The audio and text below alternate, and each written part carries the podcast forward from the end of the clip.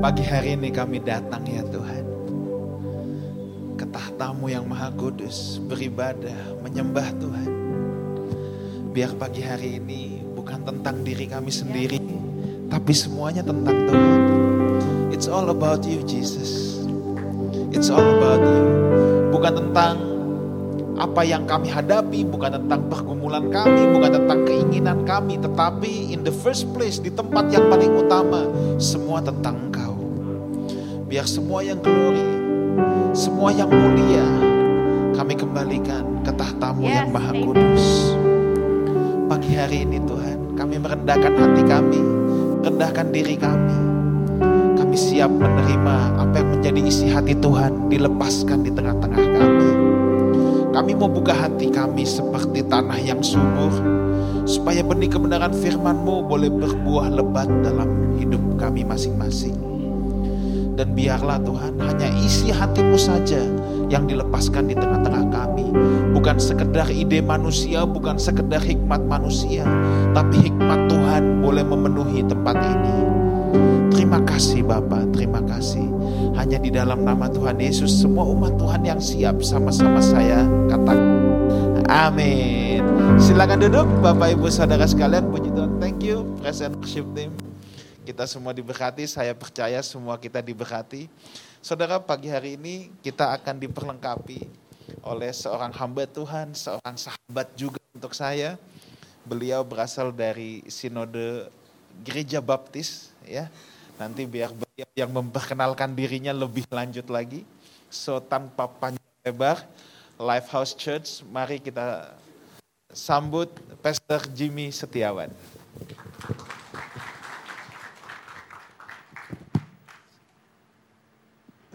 Cek satu dua.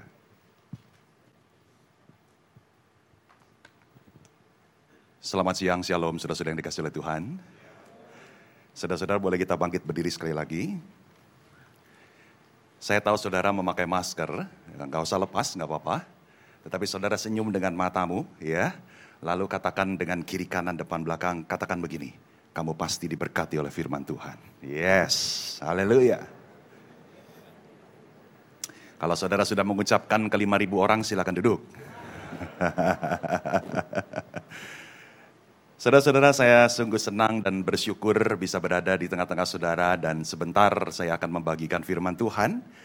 Sedikit disclaimer sebelum saya memulai khotbah, suara saya sebetulnya tidak seperti ini. Ya, hari ini suara saya satu oktav lebih rendah karena memang lagi ada problem dengan tenggorokan. Ya, tapi saya sudah cek antigen, swab, Jumat dan eh, tadi pagi puji Tuhan negatif. Ya, jadi saudara tidak perlu khawatir, saya tidak menularkan menularkan virus apa pun selain memang suara saya yang jadi serak-serak bukan serak-serak becek lagi, ini serak-serak basah kuyup saudara-saudara ya. Jadi suara saya nggak seperti ini biasanya ya, lebih merdu dari yang sekarang ini. Oke? Okay? Nah saudara-saudara, saya juga ingin mengucapkan kan ini perdana ya. Jadi saya ingin mengatakan terima kasih sebesar-besarnya kepada Pastor Wigan Pastor Ruli yang hari ini tidak hadir bersama dengan kita dan juga segenap para pemimpin gereja Life House uh, Community. Saya tahu bahwa minggu yang lalu guru saya pendeta Yowas Adi Prasetya menyampaikan firman di sini, betul? Betul ya? Jadi saya merasa bangga, it's a privilege for me to share the pulpit with him, ya.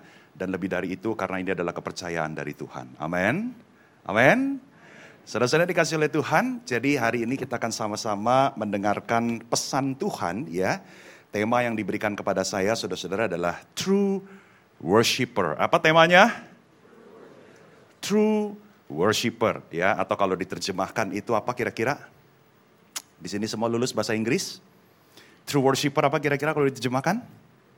Penyembah yang sejati ya, penyembah yang penyembah yang sejati ya. Nah, saudara-saudara memang kalau kita mendengar kata true worshipper, maka bayangan kita barangkali ya, bayangan kita barangkali langsung mengingat satu grup atau satu kelompok tim worship ya worship tim dari gereja besar yang ada di Jakarta. Saya tidak perlu sebut namanya sudah tahu ya.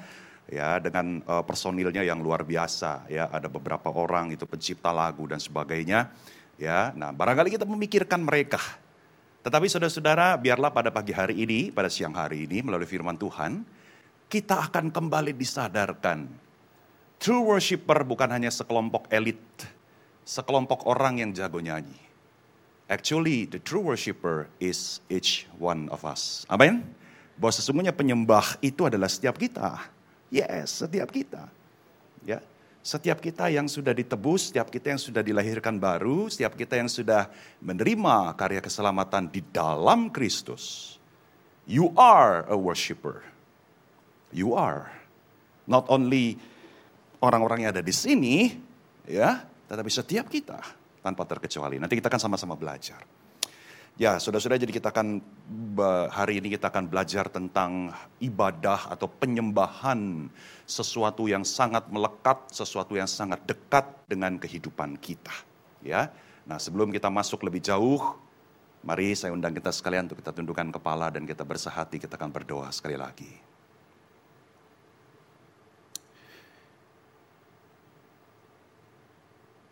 Tuhan, bukan kami yang mencari Engkau, tetapi Engkaulah yang pertama-tama mencari kami.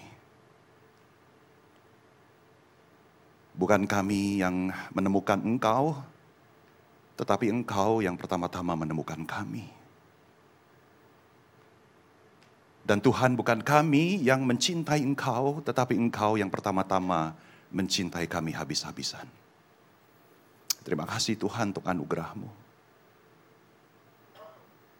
Dan kalau pada siang hari ini sebentar kami akan duduk tenang, diam, merenungkan firman-Mu, bagian yang terbaik itu, kiranya Engkau arahkan hati kami, jiwa kami, pikiran kami, imajinasi kami, ketaatan kami, respon kami hanya kepada firman-Mu. Ya Roh Kudus, bukalah hati kami selebar-lebarnya. Dan curahkanlah isi hatimu sebanyak-banyaknya kepada setiap kami. Kami mau kembali disentuh kami mau kembali dijamah, kami mau kembali diubah untuk menjadi penyembah-penyembah yang menyenangkan hati Tuhan. Inilah doa kerinduan kami yang kami naikkan di dalam satu-satunya nama yang indah, yang lembut, yang perkasa. Yaitu Yesus Kristus Tuhan dan Raja. Sama-sama orang percaya yang siap dengar firman. Katakan, amin. Saudara-saudara saya ingin memulai khotbah ini dengan mengajak saudara berhitung. ya jadi saudara-saudara yang tidak suka matematika, sorry for that, ya. Tetapi matematikanya tidak sulit, sederhana saja, tidak perlu buka kalkulator, ya. Saudara-saudara, mari kita berhitung. Oke. Dengan asumsi kita sejak jadi anak Tuhan pasti beribadah tiap minggu ke gereja, ya. Dan dengan asumsi bahwa satu tahun ada 52 hari minggu, betul? Betul ya? Maka pertanyaan saya, yuk coba jawab yang cepat ya. Kalau saudara sudah satu tahun jadi anak Tuhan, maka minimal sudah berapa kali beribadah? Gampang, 52, 52. Saya bilang minimal karena saya tidak menghitung ibadah-ibadah yang ada di luar hari Minggu. Betul? Ada sebetulnya ya, ada ibadah doa, ada ibadah Jumat Agung, tapi saya nggak hitung supaya gampang aja buat kita. Ya, kalau kita sudah jadi anak Tuhan 10 tahun, minimal berapa kali beribadah?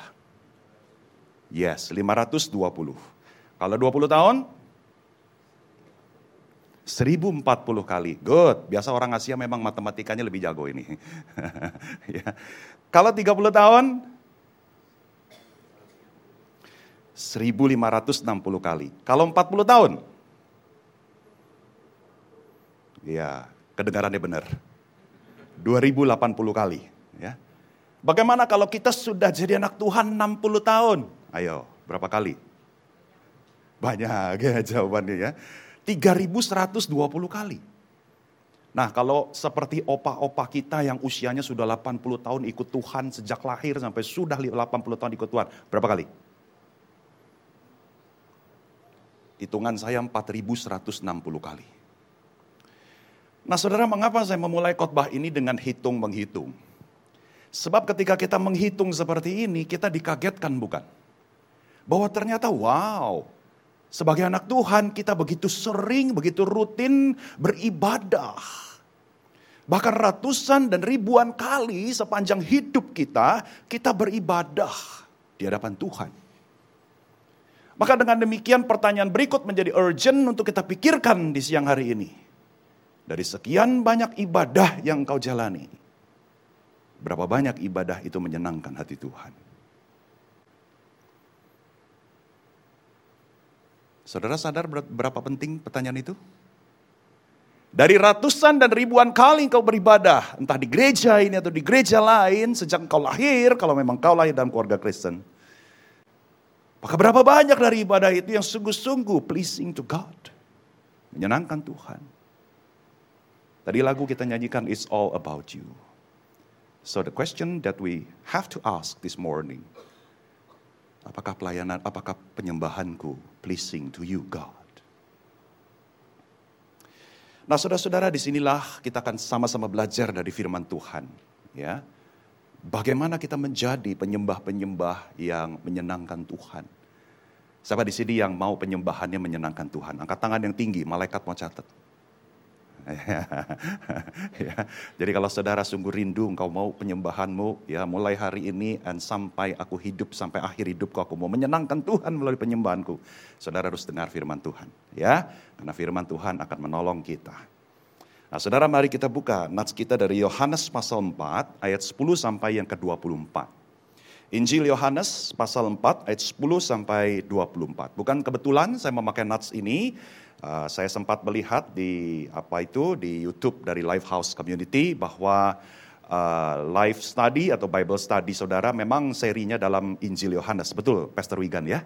Sedang menjalani ya belajar Injil Yohanes. Nah, kita coba tengok Yohanes pasal 4 ayat 10 sampai 24 saya akan bacakan buat saudara-saudara sekalian ya. Walaupun di depan sudah ditayangkan, tapi saya rindu saudara membuka Alkitab sendiri supaya sepanjang khotbah saudara bisa sesekali menengok nats ini. Saya akan mulai buat, buat saudara ya. Dari ayat yang ke-10. Jawab Yesus kepadanya, kepada seorang wanita Samaria, ya ini sebuah obrolan, sebuah percakapan antara Yesus dengan wanita Samaria. Jikalau engkau tahu tentang karunia Allah dan siapakah dia yang berkata kepadamu, berilah aku minum, niscaya engkau telah meminta kepadanya dan ia telah memberikan kepadamu air hidup. Kata perempuan itu kepadanya, Tuhan engkau tidak punya timbah dan sumur ini amat dalam dari mana engkau memperoleh air hidup itu. Adakah engkau lebih besar daripada bapak kami Yakub yang memberikan sumur ini kepada kami dan yang telah minum sendiri dari dalamnya, ia serta anak-anaknya dan ternaknya. Jawab Yesus kepadanya, barang siapa minum air ini, ia akan haus lagi. Tetapi barang siapa minum air yang akan kuberikan kepadanya, ia tidak akan haus untuk selama-lamanya. Sebaliknya air yang akan kuberikan kepadanya akan menjadi mata air di dalam dirinya yang terus-menerus memancar sampai kepada hidup yang kekal. Kata perempuan itu kepadanya, Tuhan berikanlah aku air itu, supaya aku tidak haus dan tidak usah datang lagi ke sini untuk menimba air. Kata Yesus kepadanya, pergilah, panggillah suamimu dan datang ke sini. Kata perempuan itu, aku tidak mempunyai suami. Kata Yesus kepadanya, tepat katamu, bahwa engkau tidak mempunyai suami.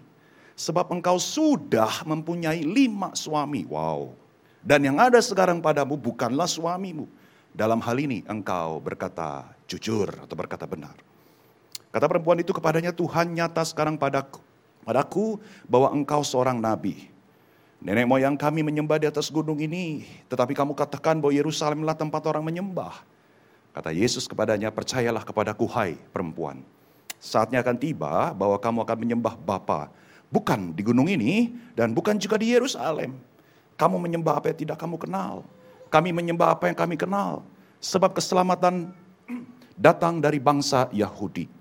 Tetapi saatnya akan datang dan sudah tiba sekarang bahwa penyembah-penyembah benar akan menyembah Bapa dalam roh dan kebenaran.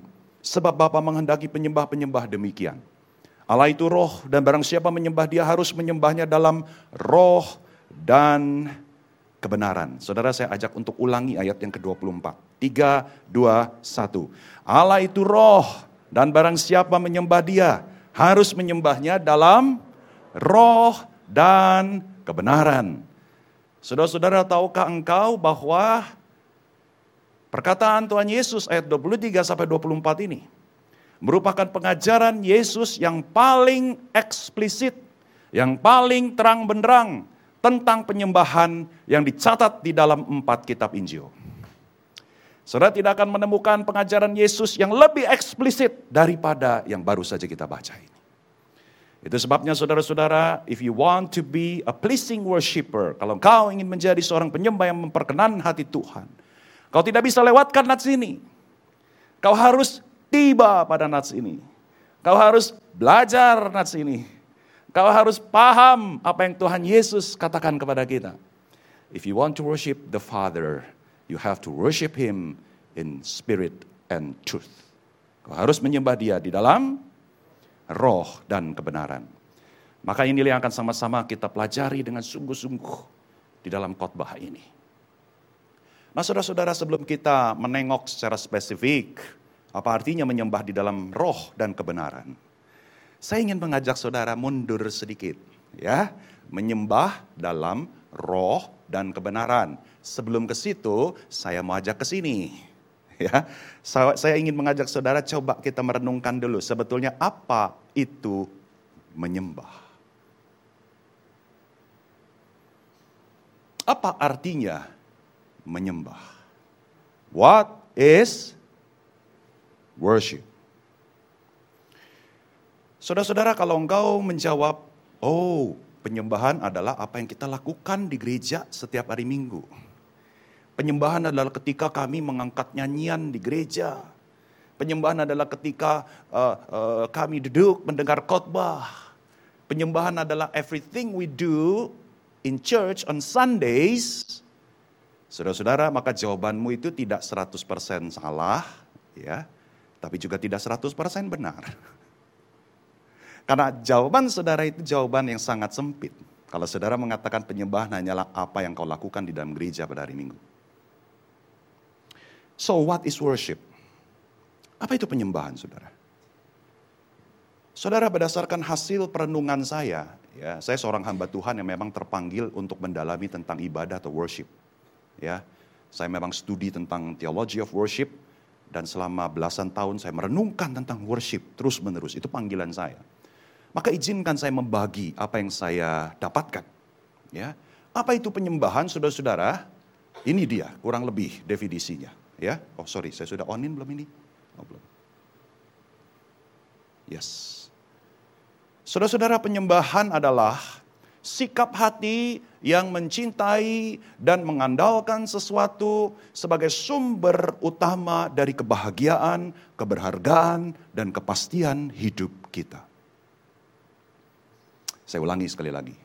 Atau saudara bantu saya, sama-sama kita ucapkan. Pelan-pelan saja. Saya tahu ini panjang, tetapi saudara saya akan uraikan buat kita sekalian. Tiga, dua dengan kompak. Satu, sikap hati yang mencintai dan mengandalkan sesuatu sebagai sumber utama dari kebahagiaan, keberhargaan, dan kepastian hidup kita. Saudara-saudara, rumusan ini memang agak panjang, tetapi saudara bear with me. Saudara bersabarlah dengan saya, saya akan coba jelaskan satu demi satu karena rumusan ini tidak sembarangan saya gumulkan, tidak sembarangan saya pikirkan. Ada beberapa kata kunci yang kita harus pahami di dalam rumusan penyembahan ini. And you know what? It's very relevant to you. Ya, definisi ini saudara sangat relevan dengan kita. Mengapa saya katakan demikian? Karena sesungguhnya setiap kita melakukan ini. Saudara sadar atau tidak sadar, saudara dan saya tanpa terkecuali Selama saudara adalah manusia, bukan robot. You are worshiping something or someone every second. Saudara sedang menyembah sesuatu atau seseorang setiap waktu. Nah saudara-saudara coba kita perhatikan ya. Kalau saudara tengok tengok di dalam nats tadi ya. Saudara sebelum kita tiba pada pengajaran Yesus tentang penyembahan dari ayat 23 sampai 24. Kita melihat dari ayat 10 sampai 15, di situ ada percakapan antara Yesus dengan wanita Samaria. Yang diobrolin itu apa sih? Coba bantu saya. Apa yang diobrolin Tuhan Yesus kalau saudara bisa simpulkan? Ayat 10 sampai 15. Hah? Air minum, betul? betul nggak? Bicara tentang air minum. Iya kan? Cuman persoalannya adalah kenapa ini jadi complicated, ini jadi kompleks, karena ini dua tataran yang berbeda.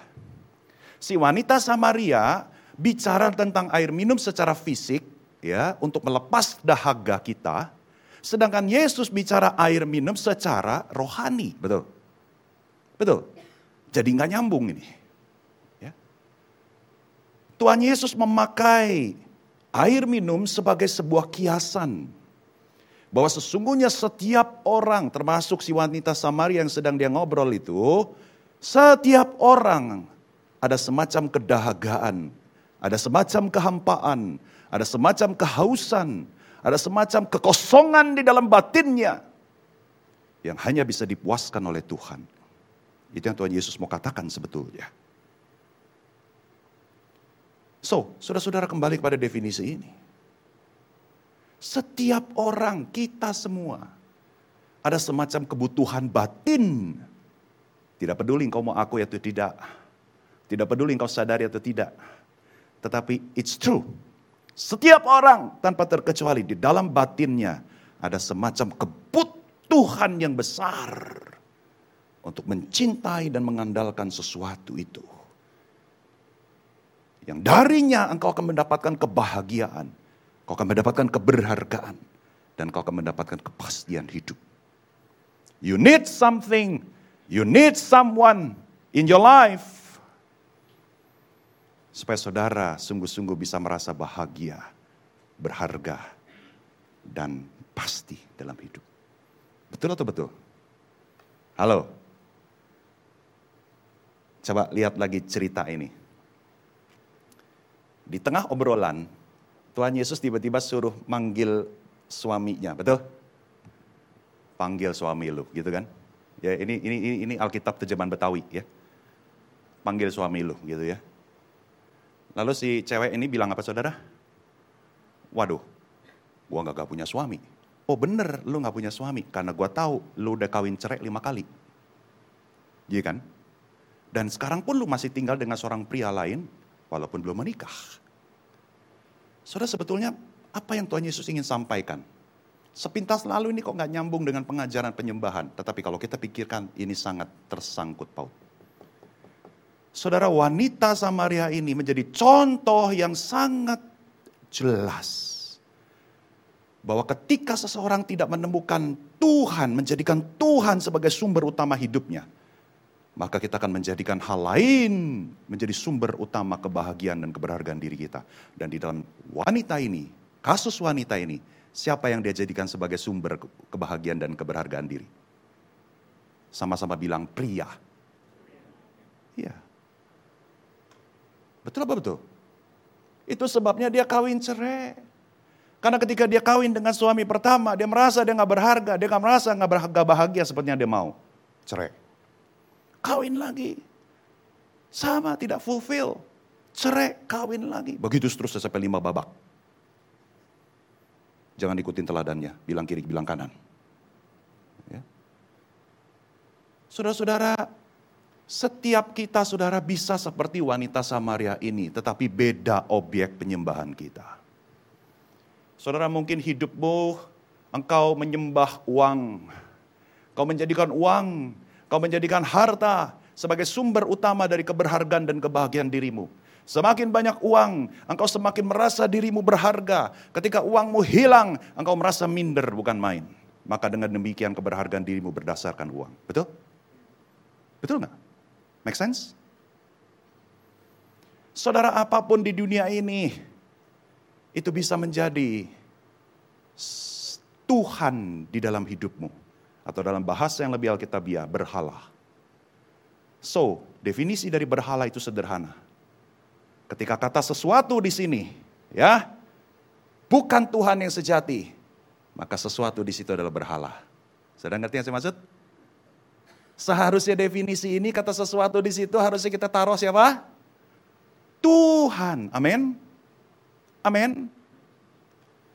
Tetapi ketika saudara mendepak Tuhan dari hidupmu, dan kau mulai menempatkan apa pun di situ, menggantikan kata sesuatu, mencintai dan mengandalkan harta, mencintai dan mengandalkan jabatan, mencintai dan mengandalkan paras, mencintai dan mengandalkan bakat dan kemampuan, mencintai dan mengandalkan bahkan ada orang yang memberhalakan doktrin, betul? Betul? Engkau merasa punya doktrin yang lebih kuat, saudara lalu, lalu saudara merasa diri lebih hebat daripada orang lain. Engkau merasa berharga karena engkau paham doktrin-doktrin. Maka dengan demikian kau sudah memberhalakan doktrin. Yang salah bukan doktrinnya, tapi hati kita yang salah. Betul? Yang salah bukan uangnya, tetapi hati kita yang salah. Kita masih butuh uang nggak? Masih. Kita beribadah aja masih butuh uang. Tetapi ketika engkau menjadikan uang lebih utama daripada Tuhan sebagai sumber utama itu, hati-hati. Saudara sudah jatuh di dalam dosa pemberhalaan. Saudara saya sebelum lanjut saya ingin menyampaikan begini, dengar baik-baik semuanya. Bahkan ketika engkau sudah jadi anak Tuhan, ketika engkau sudah dilahirkan baru, saudara masih bisa jatuh dalam dosa penyembahan berhala. Jadi saudara mulai hari ini engkau hilangkan bayanganmu dosa penyembahan berhala dalam mereka yang pai-pai di depan patung. No. Itu terlalu sempit. Saudara bisa jadi anak Tuhan, saudara bisa sudah dilahirkan baru, tetapi saudara bisa memberhalakan hal-hal lain selain Tuhan. Bisa nggak? Bilang kiri, bilang kanan, sangat bisa. Sangat bisa. Saya kalau tidak hati-hati dan mawas diri, saya bisa memberhalakan kemampuan khotbah saya sebagai sumber utama, dasar utama keberhargaan diri saya. Bisa nggak? Sangat bisa. Seorang worship leader kalau tidak hati-hati bisa menjadikan kemampuan dia bernyanyi sebagai sumber utama keberhargaan kebahagiaan diri, diri dia. Lebih daripada Tuhan. Saudara-saudara sesungguhnya kita ini berharga dan bahagia karena Tuhan mencintai kita. Amin, amin. Harta bisa suatu hari habis. Saya bisa suatu hari nggak bisa khotbah lagi. ya, tapi itu tidak akan mendikte kebahagiaan dan keberhargaan diri saya sebab I know keberhargaan saya, kebahagiaan saya hanya di dalam Kristus yang mencintai saya sampai selama-lamanya. Amin. Saudara-saudara saya akan lanjutkan sekarang ya. Nah sekarang kita akan lihat secara spesifik Yohanes 4 ayat 23 ya. Penyembah-penyembah benar akan menyembah Bapa di dalam roh dan kebenaran. Perhatikan. Saudara-saudara, sebetulnya apa yang Tuhan Yesus ucapkan ini merupakan jawaban dia terhadap pertanyaan wanita Samaria. Betul nggak? Ya, walaupun di dalam bahasa Alkitab kita itu tidak ada tanda tanya, tetapi kita tahu sebetulnya ini semacam pertanyaan. Ya, wanita Samaria ini uh, menanyakan apa?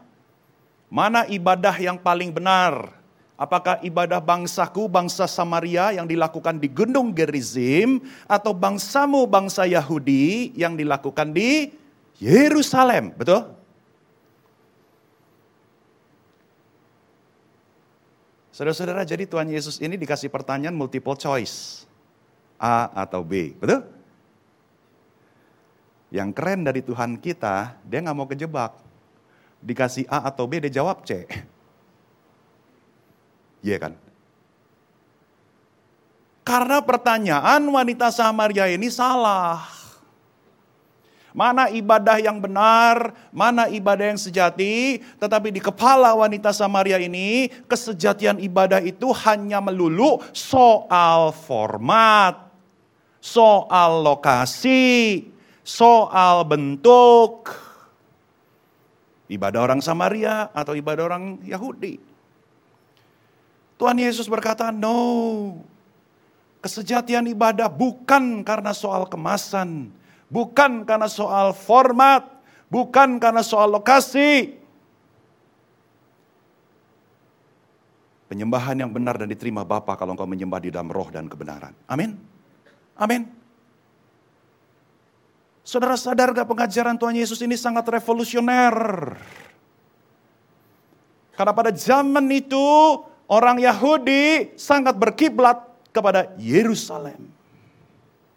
Orang Yahudi sporadis yang ada dan tinggal di mana-mana setiap tahun minimal harus datang dalam tiga kali occasion, dalam tiga event. Paskah, hari penebusan, dan hari Pentakosta. Mereka harus datang ke situ, ibaratnya tetangga kita ya, mesti naik haji.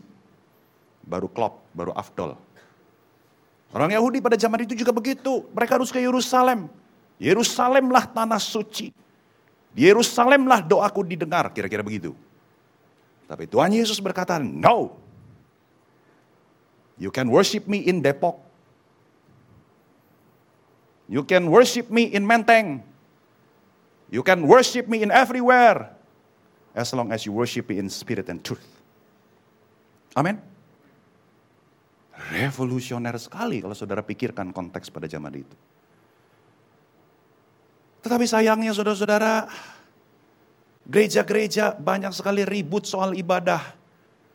Ributnya soal kemasan saja. Betul Pak? Betul. Saya sebagai seorang yang mendalami ibadah, saya juga mengamati ibadah di gereja-gereja. Saya sering mendengar saudara-saudara cerita-cerita sedih Gereja yang ribut, gereja yang konflik, majelis dengan majelis berantem. Hanya karena mereka nggak setuju, berbeda pandangan dan pendapat tentang kemasan ibadah. Paling gampang dan paling sering itu soal musik.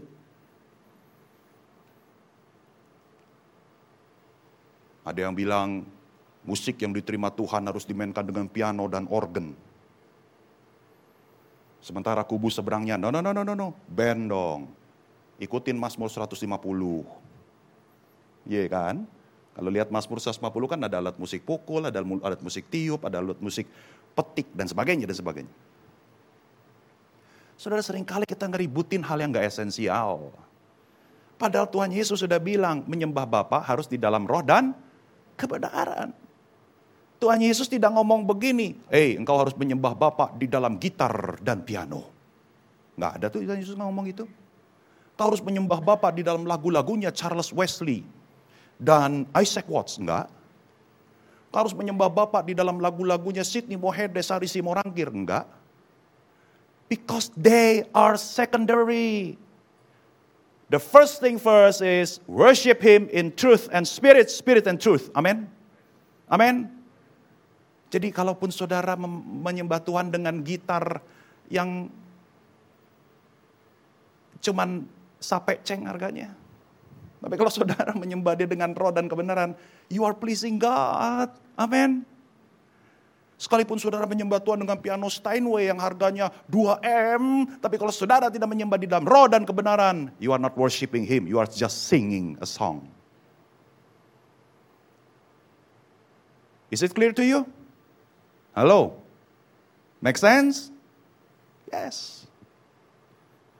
Nah, saudara-saudara, sekarang saya akan secara cepat Yuk kita lihat apa artinya menyembah dalam roh dan kebenaran. Ya. Saudara sederhananya begini, saya tidak mau rumit-rumit dah ya. Oke. Jadi apa itu menyembah dalam roh? Saya setuju dengan terjemahan Alkitab LAI. Ya, Lembaga Alkitab Indonesia yang kata roh di situ huruf kecil. Betul gak? Artinya ini bukan roh kudus. Ya, walaupun roh kudus tentu membantu kita di dalam menyembah, tetapi roh di sini huruf kecil artinya rohnya kita. Ya. Maka saudara ini saya coba uh, simpulkan. Sorry. Menyembah di dalam roh itu bicara tentang sikap kita kepada Allah. Sebab roh di sini roh kecil artinya rohnya kita. Hati kita, diri kita. Ya, jadi di dalam bahasa yang lebih mudah dimengerti, ini bicara our attitude toward God. Sikap kita, sikap batin kita kepada Tuhan. Sedangkan kebenaran, truth, kita tahu bahwa kebenaran itu bicara tentang penyingkapan diri Allah. God reveals himself to us so that we know him. Dia menyingkapkan dirinya supaya kita mengenal dia. Maka kebenaran di sini saudara-saudara bicara tentang who God is to us. Amin. Siapa Allah itu bagi kita. Nah, saudara, kalau engkau sudah menangkap kerangka berpikir ini, mari kita lanjutkan sekarang, ya. Saudara-saudara, dimulai dari yang pertama, saudara-saudara. Jadi, jadi saudara menyembah di dalam roh dan kebenaran, ya, dua-duanya ini saling berkaitan, dua-duanya saling me, apa itu mempengaruhi ya itu sebabnya Tuhan Yesus tidak berkata menyembah dalam roh atau kebenaran tetapi menyembah di dalam roh dan kebenaran Saudara tidak bisa memisahkan kedua ini. Dua-duanya saling mendukung. Ya, coba kita lihat yang pertama. Kita mulai dari yang sebelah kanan saudara dulu, ya. Kita bicara siapa Allah yang kita sembah. Ya. Oh, saudara kalau kita bicara karakter Allah tentu banyak, betul? Betul ya? Ada seorang penulis buku rohani klasik yang sudah meninggal namanya A.W. Tozer. Ya, Saudara dia pernah bikin satu buku yang bagus sekali, dia bicara tentang karakter-karakter Allah. Tiap bab satu karakter, satu karakter, satu karakter. Kalau saya tidak salah ingat itu ada sekitar 27 karakter Allah yang dibahas sama dia. Tetapi begini saudara, kita akan buat sederhana saja. Dari seluruh karakter Allah, who God is, maka kita simpulkan dua saudara. Yang pertama, Allah itu melampaui kita. We are creations, He is the creator. Kita adalah ciptaan, dia adalah sang pencipta. Dia melampaui kita, itu sebabnya istilah kerennya adalah transcendent. Transcend, melampaui, melebihi, lintas Saudara-saudara Tuhan kita adalah Tuhan yang kudus, Tuhan yang sempurna. Tuhan kita adalah Tuhan yang mulia. Saudara dalam bahasa Ibrani kata mulia itu adalah kavod. Yang artinya adalah heavy. Bobot. Jadi saudara bayangkan Tuhan kita itu seperti tamu VVVVVIP. Ya, reputasi Tuhan itu seperti tamu yang VVVVIP karena dia maha mulia, betul? Dia pantas menerima our best worship. Itu sebabnya saudara kalau kita sadar bahwa kita menyembah Tuhan, kita menyembah Allah yang melampaui kita di gereja ini, saudara yakin nggak ketika saudara datang ke sini, saudara menyembah, saudara menyembah Allah yang melampaui ciptaan, yakin? Allah yang sama yang hadir di gereja yang puluhan ribu orangnya, Allah yang sama hadir di sini juga. Allah yang menciptakan miliaran galaksi dan tidak terhitung planet, bintang, dan benda-benda langit yang lain. Dia hadir di tengah-tengah kita. Amin. Kalau saudara ngerti ini, sungguh-sungguh menghayati, meresapi dalam jiwamu, saya yakin saudara akan menyembah dia dengan rasa hormat dan kagum. Amin. Amin. Halo, amin. Iya. Sesimpel itu. Kalau saudara yakin saudara datang ke sini bukan sekedar ketemu Pastor Wigan. Tapi saudara datang ke sini saudara ketemu dengan Tuhan yang melampaui dirimu dan siapa pun dan apa pun di dunia ini. Hal yang besar itu. And you will worship him, him in respect. In tremble.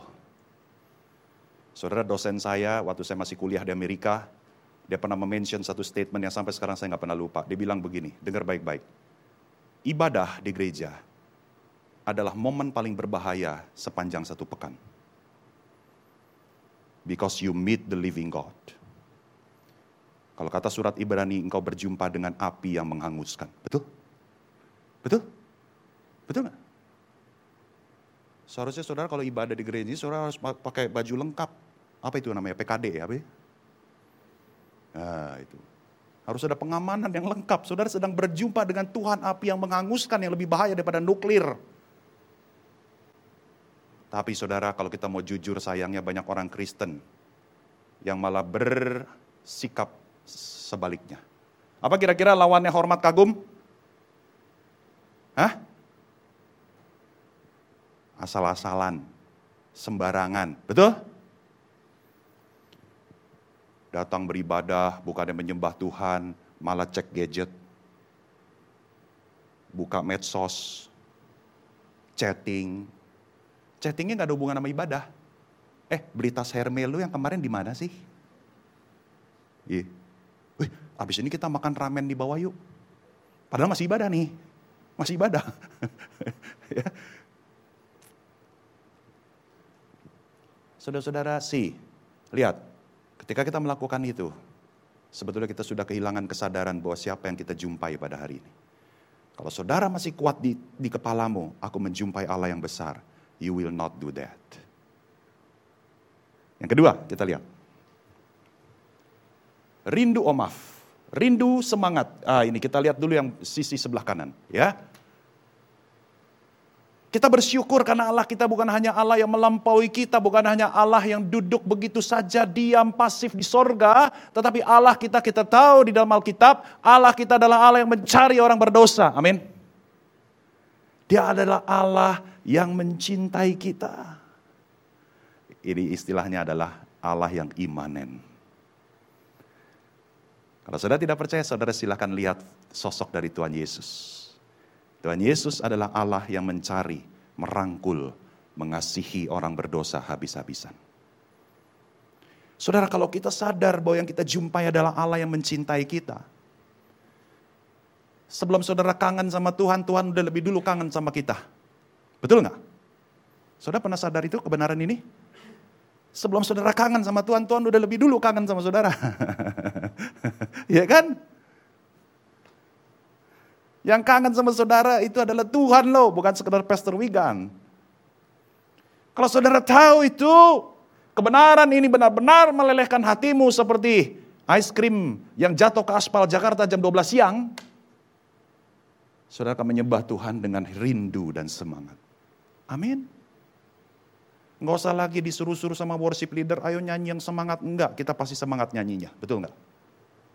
Because we know We worship God that loves us so much. Bentar lagi Valentine's Day. Siapa yang udah siap-siap booking? Tempat dan sebagainya. ya. Saudara, kalau engkau mencintai seseorang, kau akan sungguh-sungguh. Betul? Engkau bukannya melakukan sesuatu, tetapi kau akan melakukan sesuatu dengan sungguh-sungguh. Itu tanda dari cinta. Kalau engkau mencintai Tuhan, engkau pasti akan menyembah dengan sungguh-sungguh. Amin. Saudara akan bernyanyi dengan sepenuh hati, sepenuh jiwa, sepenuh suara. Saudara tahu nggak sebelum saya lanjutkan ke slide berikut. Kita menyembah Tuhan dengan sikap hati yang tepat. Oke? Okay? Karena siapa dia? Selama sikap hatimu tepat, penyembahanmu menyenangkan hati Tuhan. Maka sebetulnya kebenaran ini adalah berita baik bagi yang suaranya fals. Iya kan? Saudara dengar ya, catat ya. Sekalipun suaramu sumbang, tapi kalau hatimu merdu buat Tuhan, penyembahanmu menyenangkan dia. Amin. Ini berita baik buat yang suaranya sumbang bilang kiri, bilang kanan, berita baik buat lo, saudara-saudara. ya. Saudara-saudara, nggak usah minder suara kita nggak sejago penyanyi-penyanyi tenar atau worship leader yang kondang. Sudah nggak apa-apa, itu talent mereka, itu bagian mereka. Itu sebab Tuhan pakai mereka jadi worship leader. Memang harus begitu, worship leader nggak boleh fales. Kalau worship leader fales, saudara-saudara, itu bukan bantu kita, menindas kita ya. Bukan menolong kita menyiksa kita. Saudara kalau worship leader fales ya. Tapi jemaat fales it's okay. Emangnya masuk surga suara lu mesti merdu? Enggak saudara-saudara selama hatimu sungguh-sungguh terarah kepada Tuhan suaramu substandard it's okay. Nah saudara-saudara saya akan masuk dalam bagian terakhir. Saya nggak tahu waktu saya tinggal berapa menit ya. Soalnya kalau ngomong penyembahan saya bisa berjam-jam saudara ya. Jadi sekarang saya akan masuk dalam bagian terakhir ya. Saudara bagian terakhir ini saya akan kasih saudara tiga aplikasi. Oke, tiga aplikasi. Ya, praktis. Jadi saudara habis ini dengar khotbah, bukan hanya teori saudara tahu, tapi saudara bisa bawa pulang, saudara bisa praktekkan. Aplikasi yang pertama saudara-saudara, Putuskan untuk menjadi penyembah, bukan penonton dalam setiap ibadah yang kita ikuti. Boleh kita baca sama-sama? Yuk, dengan suara keras. Tiga, dua, satu.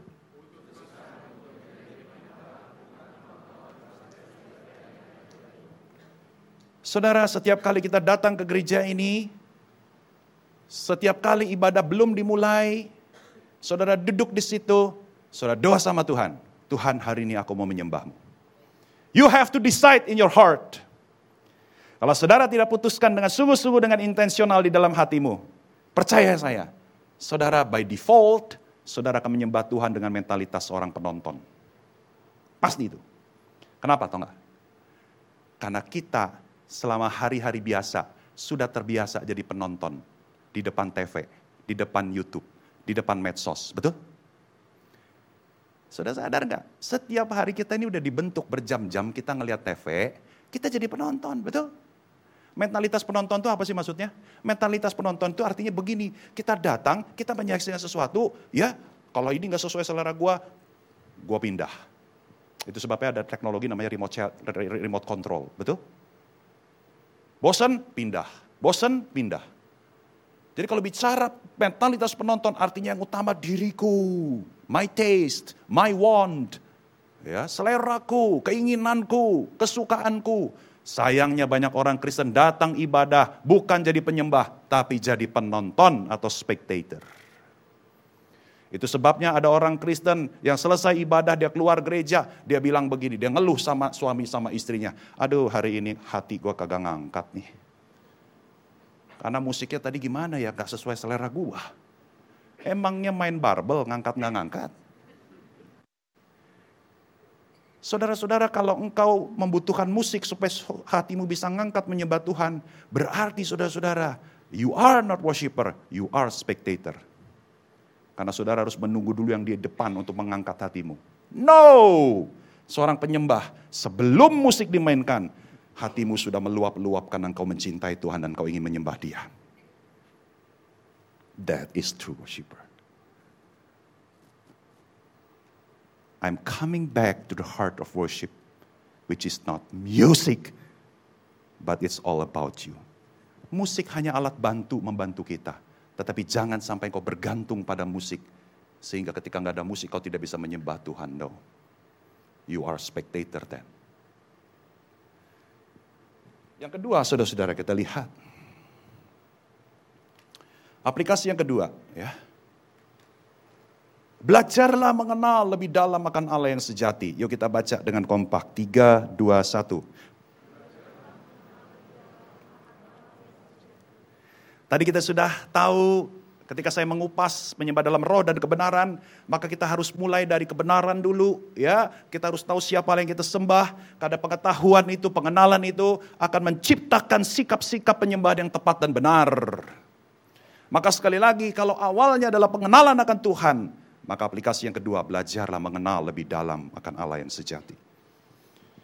A.W. Tozer yang tadi saya sudah sebut namanya, dia pernah mengatakan begini, jatuh bangunnya penyembahan ditentukan oleh pengenalan kita akan Allah. Saya ulangi, jatuh bangunnya penyembahan kita ditentukan oleh pengenalan kita akan Allah. Kalau pengenalan kita dangkal, jangan heran penyembahanmu asal-asalan. Tapi kalau kalau pengenalanmu dalam, maka engkau akan menjadi penyembah Tuhan yang sungguh-sungguh penuh semangat. Sudah tahu, satu-satunya pribadi di seluruh jagat raya yang semakin kau kenal, makin kau kagum, itu hanya Tuhan. Kalau manusia beda. Saudara kenal saya pertama kali, saudara mungkin senang. Tapi coba saudara kenal saya baik-baik satu tahun, saudara akan enak. Karena saya manusia. Saya penuh kelemahan dan kekurangan. Di depan di depan saudara aja saudara kagak tahu. Hanya Tuhan yang semakin saudara kenal, dia saudara akan semakin kaku. Kalau saudara makin kenal Tuhan, saudara makin bosen, something wrong with you. ya. Itu sebabnya sangat saya sangat appreciate dengan Lifehouse Community. Karena saya tahu gereja ini sangat menekankan pengajaran. Dengan adanya We Talk series, dengan adanya live study atau Bible study series, saya acungkan jempol buat gereja ini. Saudara-saudara dengar baik-baik, kalau saudara ingin menjadikan jemaat di gereja ini menjadi penyembah yang penuh semangat, it doesn't start with music. It starts from the knowledge of God. Sekali lagi saya ngomong begini bukan berarti musik. Ini ya, you know my point. Ya, karena Alkitab pun juga mengatakan kita harus bermusik, kita harus bernyanyi. Itu jelas. Tapi kalau kita ngomong first thing first, you must know your God. Itulah bahan bakar beroktan tinggi untuk mesin penyembahan di hatimu. Yang ketiga, saudara-saudara. Aplikasi yang ketiga. Yang terakhir ini, ya. Hiduplah dalam penyembahan dan persekutuan yang intim dengan Allah secara pribadi setiap hari. Garis bawahi kata setiap hari. Bukan sekedar saudara tahu banyak tentang Tuhan. Sebab pengetahuan saja tidak mengubah hidupmu. Tetapi pengalaman akan Tuhan itu akan mengubah hidupmu. Amin. Jangan heran kalau ada orang Kristen rajin ke gereja puluhan tahun jadi anggota gereja tapi hidup gak pernah berubah walaupun udah ratusan khotbah dia dengar. Karena cuma tahu kan. Tapi kalau engkau alami Tuhan, you will be changed. Alami Tuhan itu nggak susah. Nggak susah. Alami Tuhan itu semudah saudara luangkan waktu tiap hari, ya waktu yang terbaik ya, jangan waktu saudara udah ngantuk, udah capek buat Tuhan gitu ya, waktu sisa-sisa buat Tuhan, jangan. Waktu terbaik, waktu lagi saudara seger, saudara luangkan waktu, doa sama Tuhan, worship Him, singing praises to Him, renungkan firman Tuhan, personal time with God, every day. Saudara kalau Senin sampai Sabtu hatimu sudah panas buat Tuhan, hari Minggu hatimu pasti panas buat Tuhan. Tapi kalau Senin sampai Sabtu engkau tidak peduli sama Tuhan, jangan harap hari Minggu engkau akan menjadi penyembah yang penuh dengan semangat. Karena Senin sampai Sabtu lu cuek sama Tuhan. Betul nggak? Kalau penyembahan tidak menjadi gaya hidupmu setiap hari, maka apa pun yang kau lakukan pada hari Minggu di gereja itu hanyalah gaya-gayaan. Sekali lagi saya ulangi. Kalau penyembahan tidak menjadi gaya hidupmu setiap hari, maka apa pun yang kau lakukan di gereja pada hari Minggu, itu hanyalah gaya-gayaan. Senin sampai Sabtu nggak pernah doa sama Tuhan. Senin sampai Sabtu nggak pernah baca firman Tuhan. Senin sampai Sabtu nggak pernah mikirin tentang Tuhan. Senin sampai Sabtu nggak pernah bicara sama Tuhan. Tiba-tiba hari Minggu, we praise you, O Lord. Terima kasih Tuhan, terima kasih Tuhan Yesus. Malaikat di sorga semua pada bilang, pret. Saudara itu hanya gaya-gayaan. Nah, saudara-saudara, izinkan saya menutup dengan slide yang kali ini benar-benar terakhir. Ya, yang ditandai dengan tim pemusik boleh maju ke depan. Ya. Saudara-saudara, saya akan tutup dengan berita Injil buat kita. Ya, saya tidak mau khotbah ini hanya berisi daftar apa yang harus kita lakukan, kita lakukan, kita lakukan. Saya tidak mau khotbah ini hanya berhenti pada moralisme ya seolah-olah semuanya harus kita lakukan ya ada kewajiban kita. Sekalipun itu benar tapi saya tidak mau berhenti di situ. Saya mau saudara khotbah ini di, diakhiri dengan gospel. Saudara tahu nggak sadar nggak bahwa penyembahan kita diterima oleh Bapa pertama-tama bukan karena suara kita. Bukan pertama-tama karena kehebatan kita bukan pertama-tama karena kita pendiri gereja ini Bukan pertama-tama karena lu lahir dalam keluarga Kristen. Bukan pertama-tama karena namamu nama dari Alkitab. Bukan pertama-tama karena sumbanganmu terbesar di gereja ini. No. Your worship is accepted by God is through Jesus Christ. Kalau engkau bisa menyembah Tuhan, kau diterima oleh Allah Bapa, itu karena penebusan dan penyembahan Kristus yang sempurna. Saudara mari kita lihat ayat 23. Yang buka Alkitab lihat ayat 23. Coba perhatikan frase pertama. Tetapi saatnya akan datang dan sudah tiba sekarang. Saudara pernah mikir nggak ini ayat bingungin? Kalau saudara pembaca Alkitab yang kritis, bingung nggak baca bagian ini? Halo? Atau gini deh, nggak perlu jadi pembaca Alkitab yang kritis deh, kita ngomong akal sehat aja. Saatnya akan datang, tetapi sudah tiba sekarang. Bingung nggak? Halo, bingung nggak? Harus bingung. Harus bingung. Coba misalnya ya, tadi kalau saya datang ke sini saya terlambat nih ya. Misalnya jam 10 saya belum muncul. Lalu Pastor Wigan telepon saya. Pak Jimmy di mana? Ini ibadah udah dimulai. Gitu kan? Lalu saya jawab Pastor Wigan begini, tenang Pastor Wigan, saya sudah ada di, di sini. tetapi saya lagi di jalan. Langsung Pastor Wigan, nih Pak Jimmy kayaknya kesambet apa ini kayaknya nih. Iya kan? Tetapi saudara di sinilah indahnya. Tetapi saatnya akan datang dan sudah tiba sekarang. Ini sebenarnya bicara tentang siapa? Nah, saya sudah kasih clue tuh. Ini bicara tentang Yesus. Karena kalau saudara baca di dalam kitab Injil, nanti saudara bawa pulang aja ya. Pasal 7 ayat 30, pasal 8 ayat 20, pasal 12 ayat 23, pasal 13 ayat 1, pasal 17 ayat 1. Kata saatnya, saatku kata Tuhan Yesus. Itu bicara tentang penggenapan Yesus di atas kayu salib. Jadi ketika Yesus berkata di dalam ayat 23, saatnya akan datang dan sudah tiba sekarang. He was talking about himself. Kenapa dia bilang saatnya akan datang? Karena ketika dia mengatakan ini, dia belum naik ke atas kayu salib, betul? Tetapi ketika dia berkata, sudah tiba sekarang. Karena memang dia sudah lahir. Dia sudah berinkarnasi. Dia sudah sebentar lagi naik ke atas kayu salib. Jadi saudara ayat 23 ini mau mengatakan begini. Karena karya penebusan Kristus yang sempurna di atas kayu salib kita menjadi penyembah-penyembah benar yang bisa menyembah Bapa di dalam roh dan kebenaran. Amin. Amin. Penyembahan Yesus yang sempurna di hadapan Bapaknya. Itulah yang menyempurnakan penyembahan kita. Penyembahan kita yang jauh dari sempurna disempurnakan oleh Yesus.